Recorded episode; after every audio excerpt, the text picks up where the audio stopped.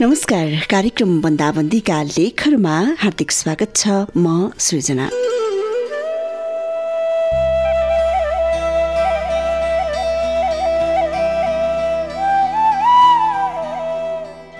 कति अप्ठ्यारा समयहरू नसोचेको बिहानीहरू नबोकेका समस्याहरू जब आइपर्छन् तब समयसँग हजार गुनासोहरू रहन्छन्।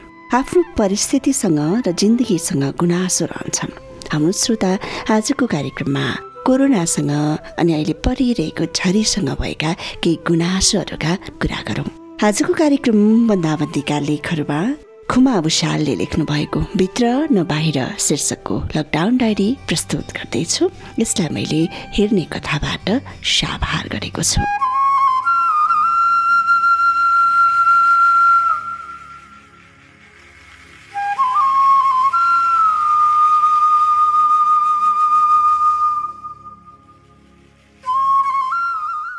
चितवनको पल्लो छेउ सदरमुकामबाट झन्डै तिस किलोमिटरको दूरी भन्न मिल्छ।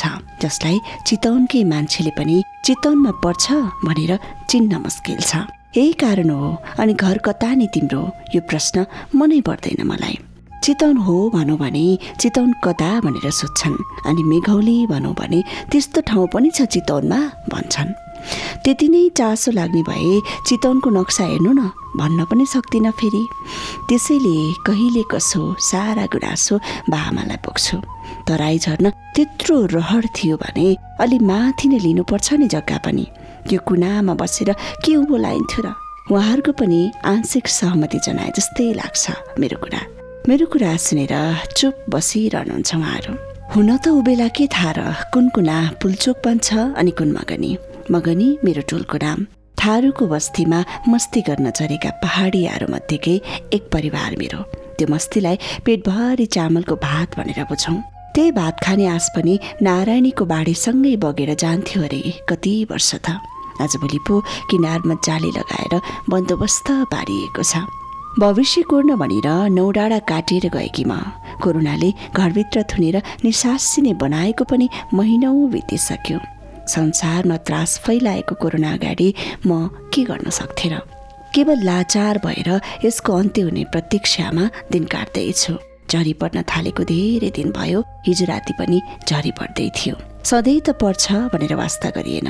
हिजो राति सुत्तासम्म खासै पानी थिएन आज बिहान उठेर हेर्दा चारैतिर समतुल्य छ। हे भगवान् बाढी आएछ। आँखा एकै पटकमा बिउछिए। म जन्मिएको भदौरे झरीमा त्यो वर्ष खाटका खुट्टा डुबाउने गरी बाढी बसेको थियो अरे। हत्त खाटका खुट्टा छान्न अघि झ्याल बाहिर हेरे। घरभित्र पस्न भ्याएको रहेनछ। धन्न। हाम्रो नानु जन्मेको वर्षदेखि यता आजसम्म थाहा पाएकी थिइनँ यसरी बाढी पसेको खै कोसँग हो कुरा गर्दै हुनुहुन्थ्यो आमा। यो कोरोनाको वर्ष सहरका महलहरू रित्तिएर गाउँका झुपडीमा थुप्रेका तमाम जिन्दगीहरू साक्षी बसेका रहेछन्। बाढी पस्ने डरले कोरोना कहरसँग गरेको दमदार प्रतिस्पर्धा हेर्न। यो हुलमा थाहा छैन कोरोना पनि आएको छ कि? घरखेत डुब्ने डरले कोरोना लाग्ने डरलाई पछाडिसकेछ क्यारे। घरबाट पैदल करिब आधा घन्टाको दूरीमा रहेको नारायणी नदी आज घर बाहिरै सोसाइरहेको छ। यो आवाजसँग डराएर लौन डुबिने भयो यो आवाज चर्को बन्दैछ। गर्मीले औडाहा पार्दा बरु रात दिन झरी परे सहनुहुन्थ्यो भन्ने ओठहरू आज झरी रोकियोस् भन्ने पुकार गरिरहेका छन्। आकाश आज काला बादलहरूको जमात दिएर आएको छ।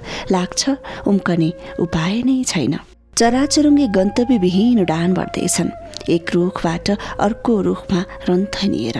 खेतबारी कुलोतिर लुक्ने स्याल आज बाटोमा दौडिरहेको छ। भर्खरै रोपेको धानको बिउले घाँटीबाट पानी निलिसक्यो।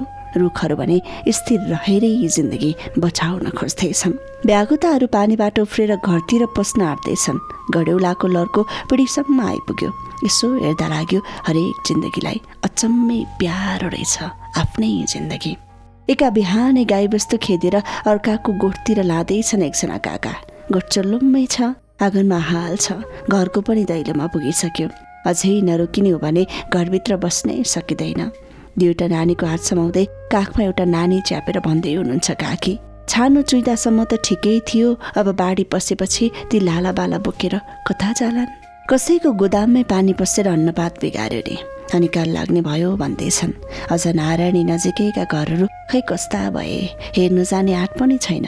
उता जाउँ भने फर्किँदासम्म आफ्नै घर डुबानमा पर्ने हो कि? ठाउँ ठाउँमा बाढी पहिरो गएर धनजनको क्षति भएको सुनिएको थियो। नराम्रो लाग्थ्यो सहानुभूति आउँथ्यो।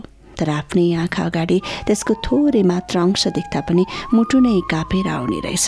मानौ मृत्युको काखमा छ यो जिन्दगी। भित्रै बसौँ भने बाढीले बगाउला बाहिर निस्कौँ भने कोरोना लाउला। यो मृत्युको प्रतिस्पर्धा हेर्दा खै म जस्ता कति जिन्दगीहरू भित्र न बाहिर भएर दैलोमा अड्किएका छन्।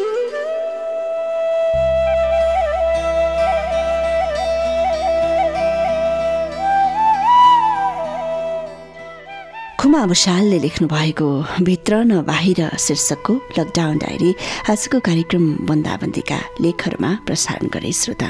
बन्दाबन्दीका लेखहरू आजलाई भने यति नै। भोलि फेरि समयमा अर्को एउटा लेखको साथमा उपस्थित हुनेछु। यतिन्जेलसम्म सुनेर साथ दिनुभयो।